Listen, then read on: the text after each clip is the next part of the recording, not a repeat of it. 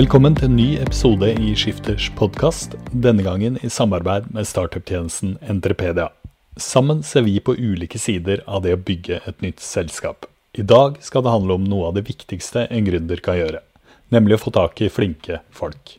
Mitt navn er Per Ivar Nikolaisen, og jeg har med meg Carl Christensen i Spacemaker. Selskapet lager en plattform for eiendomsutvikling som hjelper til å designe bedre byer. Tjenesten skal gjøre at boligprosjekter får høyere kvalitet og kan gjennomføres mer effektivt. I denne podkasten forteller gründeren hvordan de har gått frem for å lykkes i rekrutteringen til det som først bare var en veldig ambisiøs idé.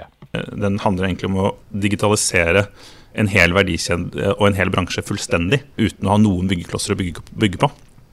Eh, og det er litt sånn eh, litt sånn grenseløst naivt kanskje å tenke at man kan bygge det. Men da eh, så vi at hvis man klarer det, og det er ingen andre som gjør det, eh, så vil det kunne ha en enorm impact.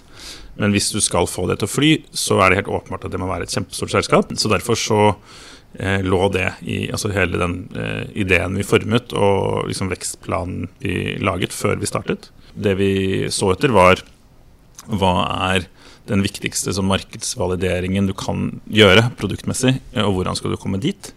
Um, den første milepælen egentlig for å kunne ta inn uh, noen form for liksom, solid finansiering for å kunne skalere. Og da også for å kunne få betalt av kunder.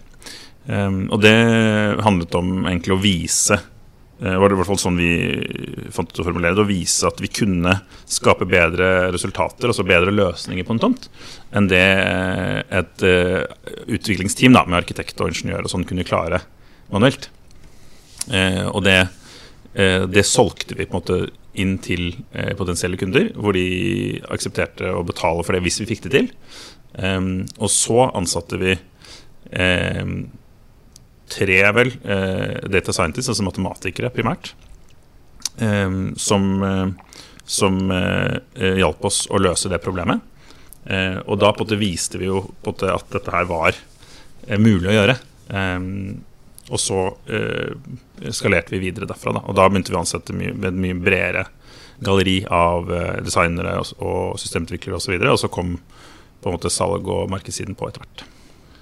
Men hadde dere da hentet kapital for å ansette de tre? Ja. Så vi hadde en sånn eh, Det blir jo sånn i veldig sånn tidlig fase, så kaller man det vel en englerunde. Um, hvor vi Altså, vi var jo bare oss selv først, uh, og finansierte på en måte vår egen, vår egen, vår egen lønnstap i um, vel rundt fire måneder. Og så uh, opplevde vi at vi, hadde, vi, hadde, vi hadde, fått de Vi hadde fått med noen potensielle kunder på at de ville betale for det hvis vi eh, hvis vi klarte å lage det. Eh, og vi hadde jo på en måte laget noe proof of concepts selv. Um, og da eh, fikk vi eh, med noen engleinvestorer på en eh, runde som var nok til å finansiere noen få ansatte. Og det, da holdt vi vel på eh, i seks-syv måneder før vi fikk den markedsvalideringen. og da hentet en ny sånn pre-seed-runde for å kunne ansette flere. Hvordan fant dere frem til disse tre matematikerne, data scientistene? Um, det var på samme måte som vi endte opp med å ansette både de fleste i den tidlige fasen, og det var gjennom nettverk. Og nettverk av nettverk. Altså um, Man eh, kjenner jo en del mennesker selv, uh, men det, er, det, er, ikke alltid at man kjenner en stor gruppe personer som er en perfekt fit for de profilene man vil ha. Um, men vi tenkte som så at flinke mennesker, som vi på en måte syns er eh, ja, flinke og interessante. De kjenner ofte mange flinke og interessante mennesker, eh, også innenfor andre fagfelt. Så vi brukte mye energi faktisk på å overbevise og både selge og pitche inn eh, selskapet til eh, folk vi kjente. Eh, hvor vi så eh, spurte om Når du ser liksom hvor kult dette er, er det noen som du syns burde få muligheten til å høre om denne ideen? ikke Eh, altså Vi spurte ikke så direkte om at uh, hvem er det du vil uh, vi syns vi skal rekruttere, for det er ofte mye vanskeligere å få folk med på. De fleste sitter godt der de er, og man føler seg kvier seg litt for å liksom komme med noe som en annen person har gitt deg. Men, men hvis du tilnærmer deg på den måten, så, så, så klarte vi å måtte låse opp et veldig stort nettverk. Eh, så vi, eh, de, de, første ansettelsene så klarte vi å få inn en 50-60 personer på intervju eh, til det, som var interessert, og, og, klarte å få veldig veldig gode kandidater. Og den måten å rekruttere på fortsatte vi med veldig lenge, selv om det er krevende måte å jobbe på. Hvordan er konkret en sånn pitch av hvor fantastiske dere er å jobbe med, og hvor god idé dette er? Det i hvert fall som har fungert veldig godt for oss, er um, Altså, jeg, jeg, ser ikke meg selv på meg selv som en god selger på den måten at jeg ikke nødvendigvis er så god til å selge noe jeg ikke tror på selv. altså jeg tenker på En veldig veldig god selger vil på en måte kunne leve seg inn i hva som helst. Um, men vi hadde tenkt så mye på hva denne ideen uh, betydde. altså det som, det som, tente oss for å starte selskapet, var jo en sånn veldig sånn, er fortsatt en veldig sånn global ambisjon om impact, som faktisk er altså Vi ser at den er reell, at vi kan gjøre byer bedre. Mm.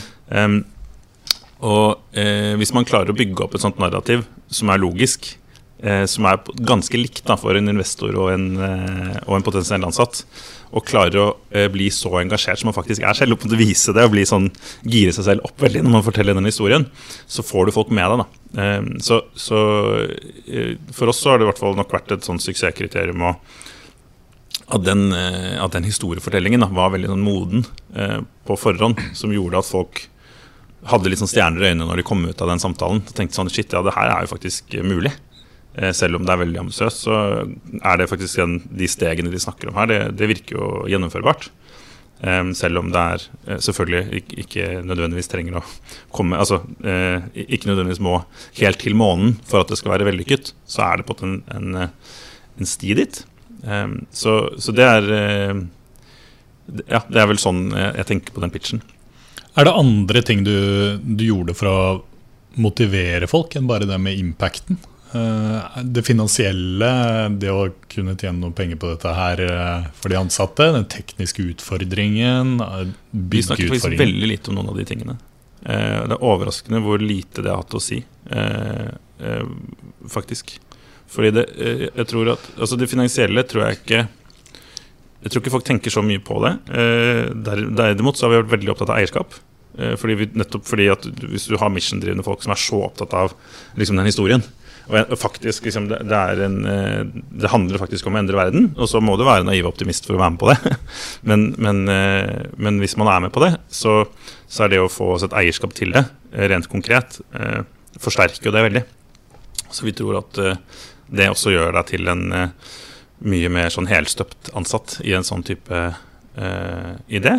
Og så er en sånn, når det er så på en måte, komplekst, eh, det vi prøver å gjøre, så er det sånn åpenbart at man får brynt seg. da.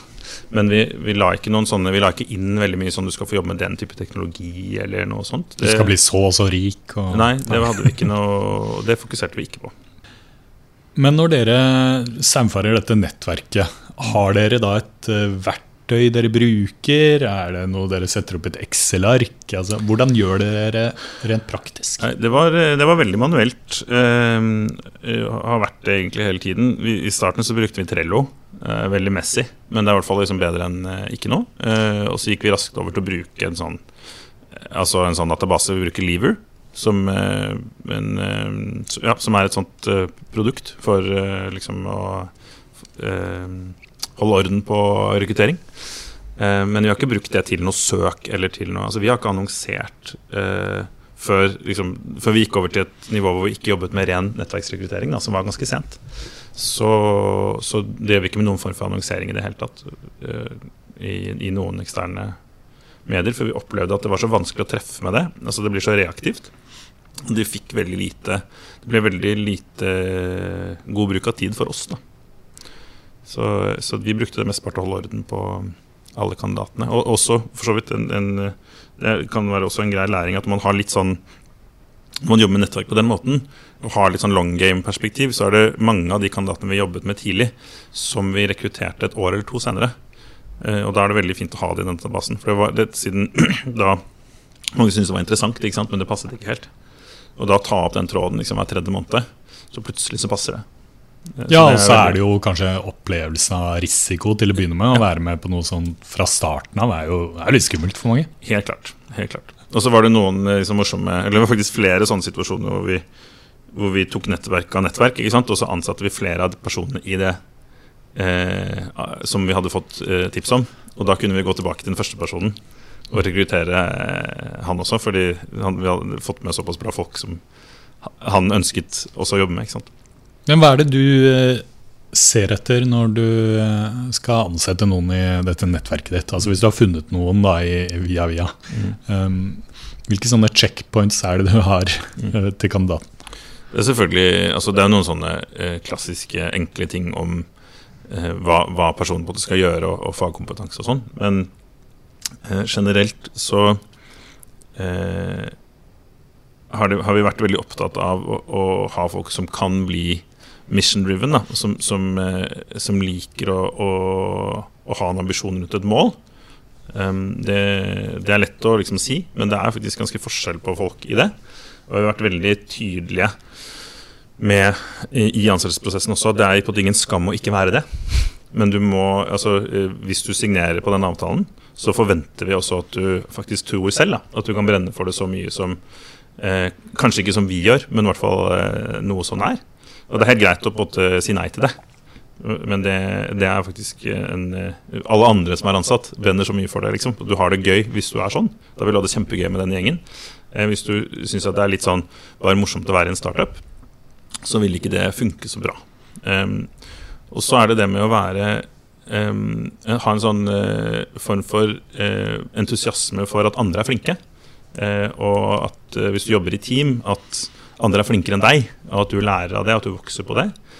Um, har, vært, har, vi vært ekstremt opptatt av. Vi har sagt nei til veldig mange basert på bare en liten fornemmelse i ett intervju, i én setning, på at når man bruker liksom jeg mye i Når man snakket om team performance, f.eks., eller at man liksom fremhever Syns man selv alltid er den som gjør mest gruppearbeid. Um, det er ikke noe galt i det, men det, er, eh, det, det skaper ikke den dynamikken som vi er ute etter da, i team, som er veldig sånn selvforsterkende. At alle liksom hele tiden søker å bygge hverandre gode og lære av hverandre. Men alle vil jo svare at ja, jeg er brennende for dette her. Og ja. ja må... hvordan, hvordan, hvilke spørsmål stiller du for å Eller hva gjør du for å lokke frem de setningene der du skjønner hvem dette egentlig er? Man må grave mye liksom, historiefortelling rundt egen opplevelse. altså Be forteller fortelle mye om egne opplevelser av hvordan de har jobbet. Da. Eh, det er en viktig ting. Eh, og så er det altså dette med eh, Det er en I hvert fall tror vi da, at det er en viss sammenheng mellom den eh, åpenheten for andres ideer og på en dynamikken, og eh, også på en selvhøytidelighet på eget arbeid. Så vi har jo hjemmeoppgaver eh, hvor, som handler veldig mye om at man skal ha med seg noe man har spikka sjøl. Det er ikke egentlig en løsning, altså det er ikke en sånn eh, IQ-test, sånn, men mer et, et, eh, at du skal på en måte få vise frem håndverket ditt. Hva da, f.eks.? Det kan være, altså For en systemutvikler så kan det være at de skal lage en, eh, en applikasjon med en database. Eh, men for en, eh, en, selger så kan det være at de skal eh, at det er en, en, en kunde, en reell kunde, som de skal sette seg inn i. Og på et, legge frem en plan for hvordan de har lyst til å angripe den på et, casen, og hvem de vil snakke med først. og sånn. Men da handler det jo mye om å både utfordre og pirke i det den kandidaten har valgt å gjøre, for det er alltid andre måter å gjøre det på. Og hvor interessert man er Eh, og, man kan jo være alt fra genuint nysgjerrig og interessert i å forstå hvordan man kunne gjort det annerledes, til å være veldig opptatt av å forsvare hvorfor man har gjort det som man har gjort det.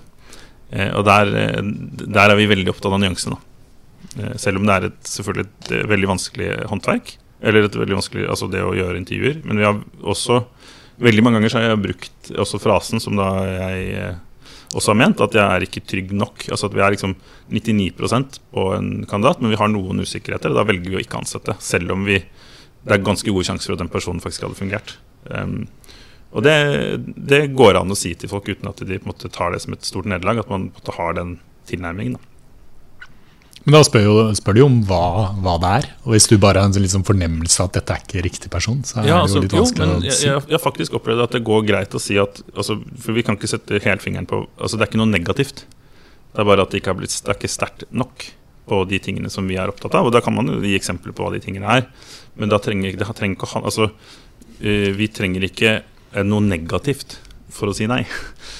Det, det, kan være, være at man ikke er veldig trygg nok på at denne personen på en måte vil eh, blomstre i et team, f.eks.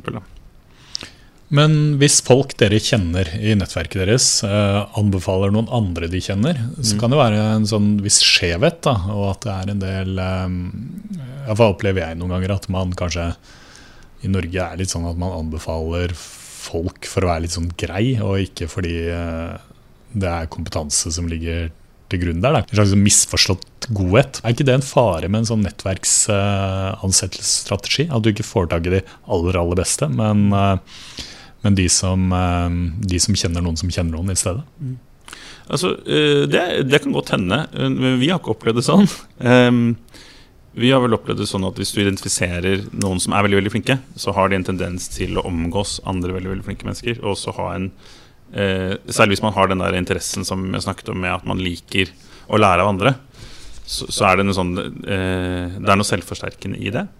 Men man må selvfølgelig da velge de kanalene sine med omhu. Og hvis man ikke har klarer å identifisere noen sånne kanaler, så, så, eh, så bør man også prøve å bruke andre kanaler. Eh, det som, er, eh, det som har vært heldig for oss i det, er at det, det, det, fremgår jo ikke naturlig, men alle vi gründerne er jo relativt godt etablerte. og var alle rundt 35 når vi startet, så, så vi har en del nettverk. Eh, og da, da, er det eh, lettere å komme i gang med det nettverket enn hvis man ikke har det. Har du noen sånne faste spørsmål som du stiller? Har du en spørsmålsliste som du har liggende, og nå drar du den opp, eller er du litt sånn impulsiv i intervjusituasjonen? Um, vi har eh, ikke veldig rigide spørsmål, men vi har eh, temaer som vi syns er viktig å adressere. Jeg nevnte jo noen av de. Altså dette rundt hvordan man tilnærmer seg andre mennesker, hvordan man snakker om det. Men også eh, det å ha en eh, evne til å ta bevisste valg. Altså, så, altså Hvis man eh, klarer å lage et narrativ av livet sitt, eh, som vi alltid ber kandidater om å gjøre, så selv om man etterrasjonaliserer, da, så er det noe med at det er, det er veldig så forskjell i hvordan man klarer å lage en, en, tråd i livet sitt, og hvordan, hva man har lært av. Det trenger ikke være utdanning, det kan være mange ting. Men som gjør at man har på en interessant bagasje, eh, kontra at man liksom Og så begynte jeg på NTNU, og så gikk jeg på noen greier, og så, som, som, eh, som, som kan virke veldig tilfeldig. Det, det, er eh, også et eksempel på sånn rødt flagg da, i evne til å liksom skape noe av det man har. Så, så, kandidaten bør ha en egen historie som, som viser at han eller hun har brent litt for et eller annet, eller at det er noe unikt under reisen, eller at man har reflektert litt over hvor man har vært det? Ja, vi, jeg, jeg syns det er viktig. Så uh, vi, vi, ber alle kandidater om å starte med måte å sette sammen sin egen historie litt sånn spontant. Uh, og uten at det er noe fasit til det, så kan du trekke mye ut av hvordan de har bygget opp det.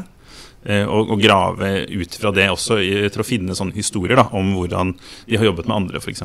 Eller hvordan de har fått drevet ulike ideer eller ting de har jobbet med. Um, og da får du både frem dette med hvor motivert man kan være, hva man motiveres av. Hvorfor man liksom står opp om morgenen, og hva man virkelig altså Hvis man kan få frem noen historier eh, og be kandidatene om å få frem noen historier som, hvor, hvor, de er veld, veldig stolte av noe de har fått til, da, sammen med andre, så er det ganske vanskelig å fake hvorfor man, vært, hvorfor man er fornøyd, eller hva man egentlig blir motivert av. Eh, sånn at da får du ofte en ganske sånn troverdig eh, sjekk da, på om, eh, om, man deler de verdiene som, eh, som det er snakk om. Men veldig mange av spørsmålene eller de tingene vi snakker om nå, er i siste intervju. Eh, som vi har pleid å kalle culture fit, men det blir noen gang misforstått i at de skal være like oss. Men det handler om at man har delte verdier. Ikke at man skal assimilere noen, men at, de, at det er noen sånne grunnverdier som vi tror på, som man, som man deler. På rene sånne skills, da, på utviklere eller data scientist f.eks., hvordan, mm. hvordan tester dere programmeringsferdigheter for eksempel, opp mot det dere trenger folk til? Mm. Eh, da bruker vi eh, en kombinasjon av, for, for, programmering så bruker vi en kombinasjon av hjemmeoppgaver og parprogrammering. Eh, hjemmeoppgaven er da eh, finnes ulike varianter, men det er lagt opp til da at, eh, at personen skal få tid hjemme. og Da avtaler vi på forhånd hvor mye tid de har. For det, også, det, det, kom, det, helt, altså, det kan være variabelt. For det er ikke så farlig. ikke sant? Hvis man har veldig lite tid, så må man gjøre noe enklere. Det, sine, liksom, det er krevende på sin måte. Og hvis man har mye tid, så må man jo også bygge det på en litt annen måte. Eh, så begge deler, altså, man, man trenger ikke å ha en veldig sånn fast grense for det. Og det har vært viktig med tanke på at folk har ulik arbeidshverdag eh, som de er i. da. Eh, Men da eh, kommer de med den. Eh, Det eh, er Det er mange fordeler med det med en hjemmeoppgave. En er at eh, det gir eh, utvikleren frihet til å på en måte uttrykke seg. Og vise frem liksom, hvordan de vil gjøre ting. Men det er også mye lettere for introverte eh, å blomstre rundt faget sitt. Så det har vi også, tror jeg, er en styrke med den måten å gjøre det på. Og så får man da et veldig godt grunnlag for altså Først selvfølgelig at personen kan fremføre hvordan de tenker. Men du har da noe som de har et eierskap til, som du kan pirke i eh, og utfordre dem på. Da. Sånn at den, den eh, intervjuet rundt eh, hjemmeoppgaven er, en, eh, er selvfølgelig en veldig viktig del av det. Det er ikke liksom besvarelsen i hjemmeoppgaven, det er egentlig bare en forberedelse til et sånt skills-intervju. Parprogrammering. ja, parprogrammering blir en, et, et, et annet moment. Eh, vi ønsker at man skal møte så mange mennesker fra teamet som man skal jobbe i som mulig. At så mange av de skal være med på beslutningen som mulig. Så da møter man med eh, noen andre som eh, man parprogrammerer med. Og det, det er en ganske sånn kjent modell. Så man, det er typisk sånn at man parprogrammerer Ganske vanlig at man parprogrammerer noe som ingen av Altså verken den fra oss eller, eh, eller kandidaten har gjort før. Um, og så bytter man på å styre, f.eks. Da får man frem veldig mye dynamikk. Um, og eh, jo mer erfaren kandidaten er, jo eh, mer får vi ofte ut av den parprogrammeringsbiten, og høyere krav stiller vi til den. For det handler om eh, også evne til å eh, jobbe med andre og veilede og coache osv., som er vanskelig å få frem i hjemmeoppgave. Når det gjelder eh, introverte, da, eller kanskje mer de som er litt sånn sosialt reserverte, da, eh, så er det kanskje ikke alltid like lett å få, få frem denne historiefortellingen som du snakker om i intervjuet. da. De scorer kanskje bra på hjemmeoppgaven, de scorer bra på parprogrammeringen. Altså, hva, hva slags grep gjør du for å lokke frem hvem er egentlig en sånn um, uh, ja, litt sånn reservert uh, data scientist? Brenner han egentlig for noe? Altså, hvordan, hvordan er intervjuet der i forhold til et intervju med en litt sånn utadvendt forretningsutvikler? For eksempel? Altså det, eh, det er å, man er nødt til å ha litt forskjellige, forskjellige forventninger til det. Eh, Men, men den eh, Vi, eh, vi scorer også altså, I hvert fall greit å, å nevne først at dette, dette hjemmeoppgaveintervjuet har en sosial element. Ikke sant? Altså det, de som sitter der, scorer da personen som en medarbeider. Vil du jobbe med denne personen? Ville du kunne hatt denne personen i team? Tror du at de kan fungere godt og sosialt i teamet og, og, og og på en måte tilføre ting i teamet? Um, og vi har hatt tilfeller der de sier ja til det, men vi syns det er vanskelig å se det i, eh, i den shared values-biten. Eh, fordi det eh, er nervøsitet. Um, og det har vi løst eh, på litt ulike måter, men, men det er kanskje viktigste elementet at vi har den da har vi den, da, det datapunktet fra det, fra det hjemmeintervjuet hvor teamet har sett at personen kan blomstre. Um, da har vi brukt uh, referanser um, og noen ganger flere samtaler med kandidaten hvor vi er åpne om uh, hva vi er uh, usikre på. Uh, og prøvd å finne måter å ta en samtale til eh, osv. For, å- for å se om vi kan få liksom myket opp i situasjonen. Litt sånn psykolo psykologiarbeid, egentlig, for å Ja. få ting ut? Men man må, man må jo være Det er jo psykologi å, eh, å forstå mennesker, så man må jo nesten eh, være litt hobbypsykolog i sånne situasjoner. Alle gründere som har kommet liksom på vei, og kanskje spesielt dere, da, som har kommet så langt som dere har kommet, vil jo, vil jo bli attraktive å jobbe for. Um, og jeg antar at du eh, også får en del spørsmål fra venner og, og bekjente, da, eh, i og med at dere også bruker den nettverksmodellen. da, eh, fra folk som eh, vil jobbe hos deg. Hvordan forholder du deg til det?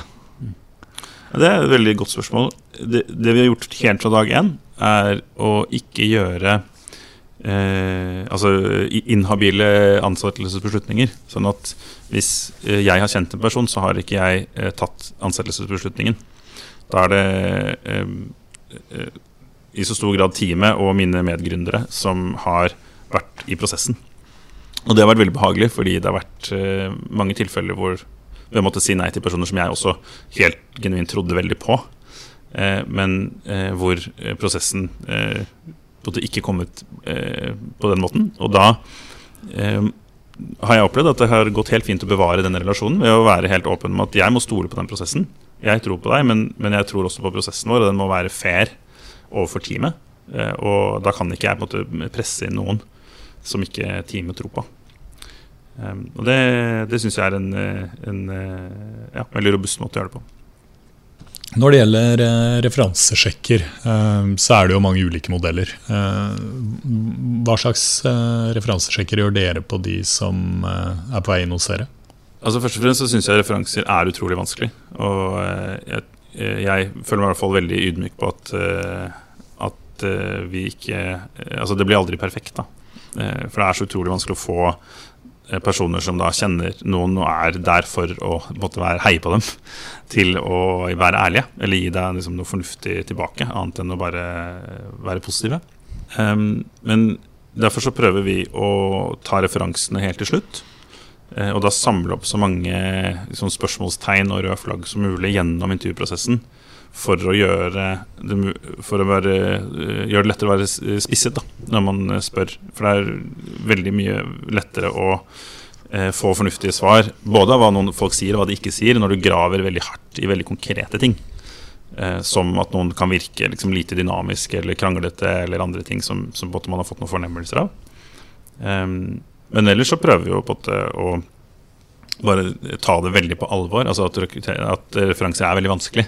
Og at man må forberede seg og tenke nøye gjennom eh, hvordan man skal spisse de spørsmålene for å på en måte tvinge den andre til å eh, enten fortelle eh, noe som er problematisk, eller at man ved at man ikke sier noe, at man ikke kommer med ting, eh, også eh, kan få en fornemmelse av at noe ikke er som det skal. Da.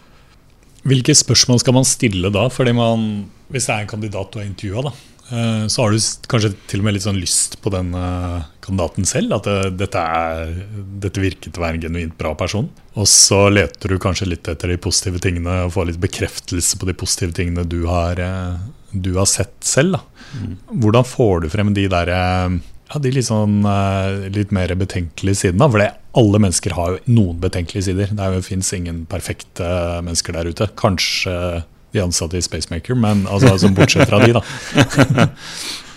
jeg skulle ønske jeg hadde en sånn perfekt spørsmålsliste. Um, jeg har tilpasset det mye til situasjonen fordi det Jeg opplever at uh, Altså at, at, det bør være så få spørsmål som mulig, at de bør være så spisset som mulig.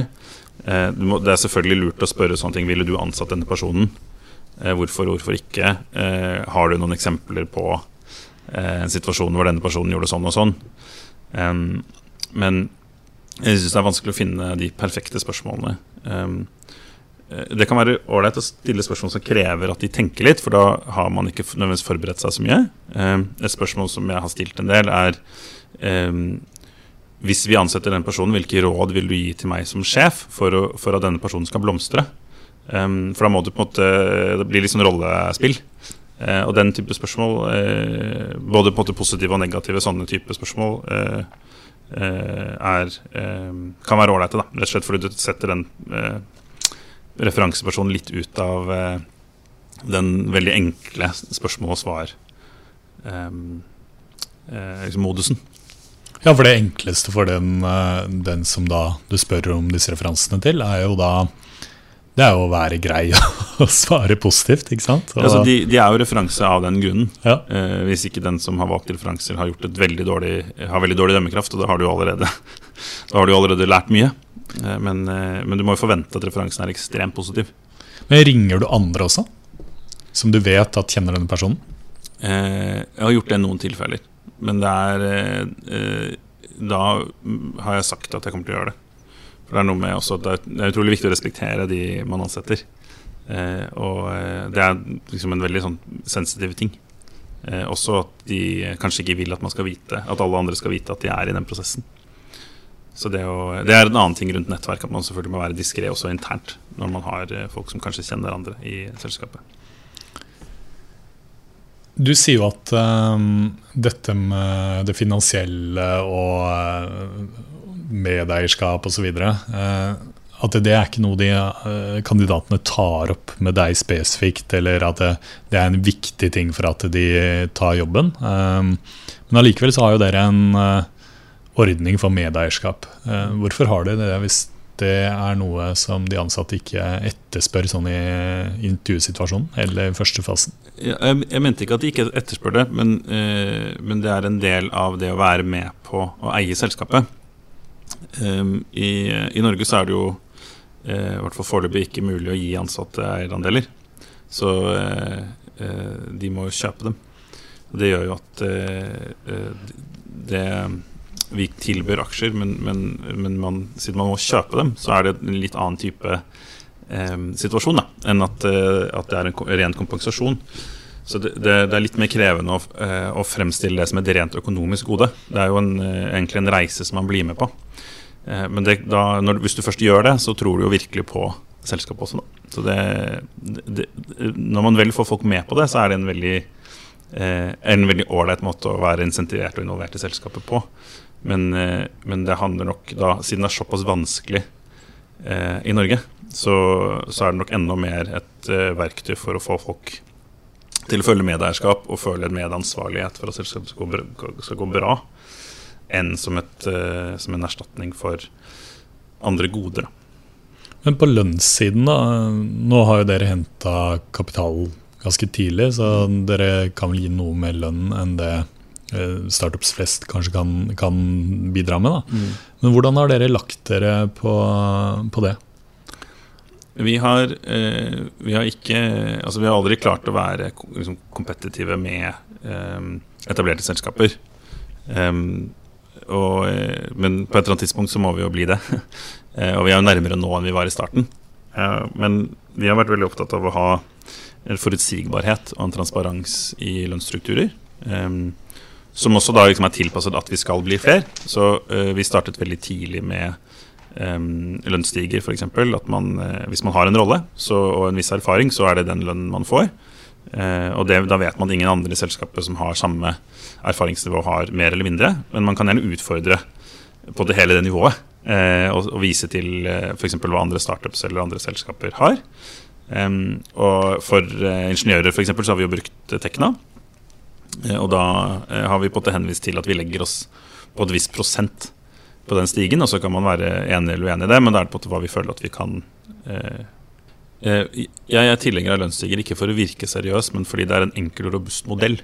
Altså, eh, Det å bygge eh, veldig tilfeldige lønnsstrukturer i et selskap skaper utrolig mye problemer. Og det er lett å ta lett på det i starten, og så er det nesten umulig å rydde opp i etterpå.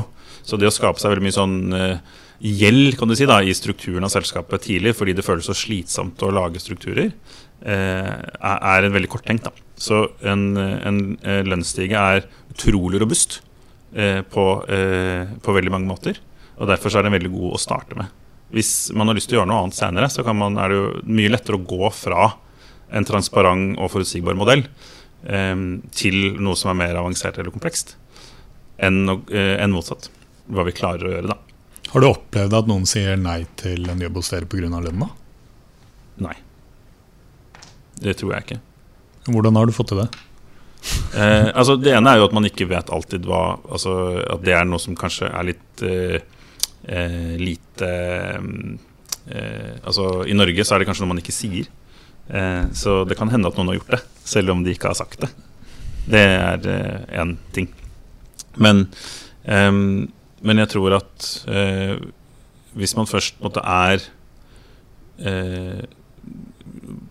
ute etter noe liksom, mening, da i, i, i eh, jobben sin, så, så, er det noe med at lønnen skal være god nok. Eh, og den kan ikke være da veldig, veldig lav. Og det har vi tenkt helt fra starten, at vi kan, vi kan ikke drive og underbetale folk. De må få en fornuftig lønn. Eh, og det har vi liksom strevd etter hele tiden.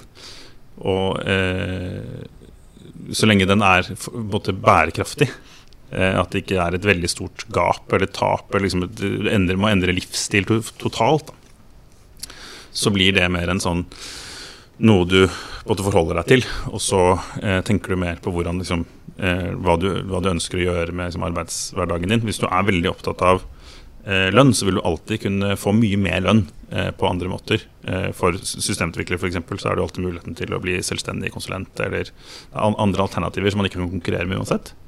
Um, så jeg tror at det handler med, mye om det. At uh, til syvende og sist så er folk Altså hvis du er ute etter en balanse, da, så, så aksepterer du også at det Ja, at, at det ikke nødvendigvis handler om lønn. Har du gjort noen feilansettelser noen gang? Noen uh, store eller små? Ja. Uh, jeg, synes, jeg, jeg, liker ikke helt begrepet feilansettelser. Uh, eller altså, det, er, det, er, ikke så gærent, men det gir en det gir en sånn, er en sånn ensidighet i det. Jeg, jeg, tror at man kan finne ut at man har feil for hverandre. Um, og at noe ikke passer helt, selv om man trodde det.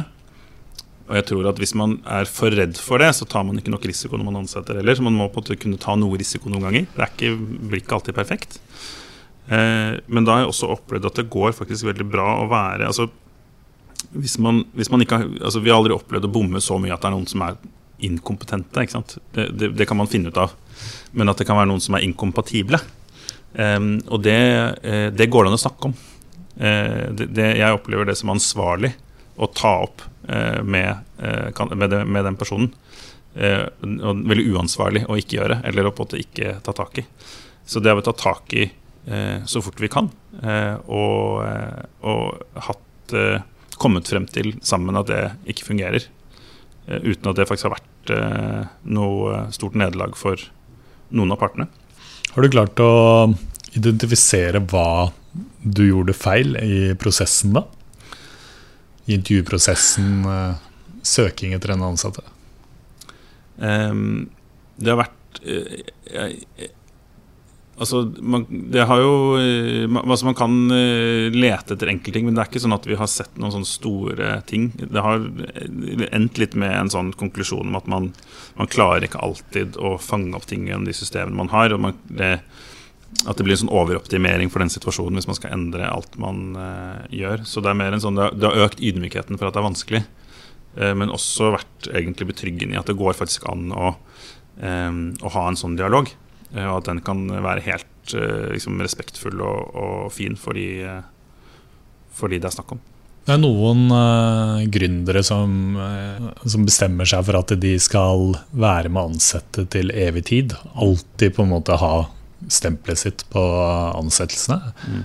Er det sånn med dere nå, eller har dere kommet videre over i en fase der dere uh, slipper det litt eh, nedover i systemet? Eh, egentlig ikke.